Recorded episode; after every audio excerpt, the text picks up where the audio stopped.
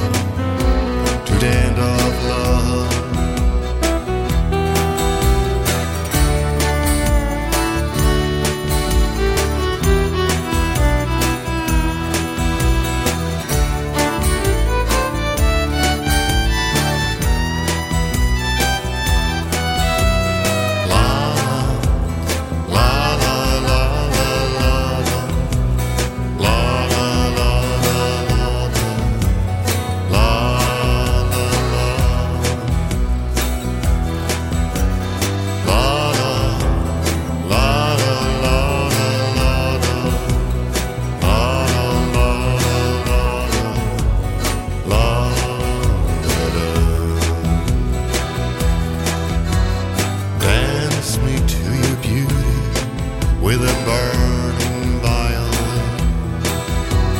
Dance me through the panic till I'm gathered safely. Touch me with your naked hand or touch me with your glove. Dance me to the end of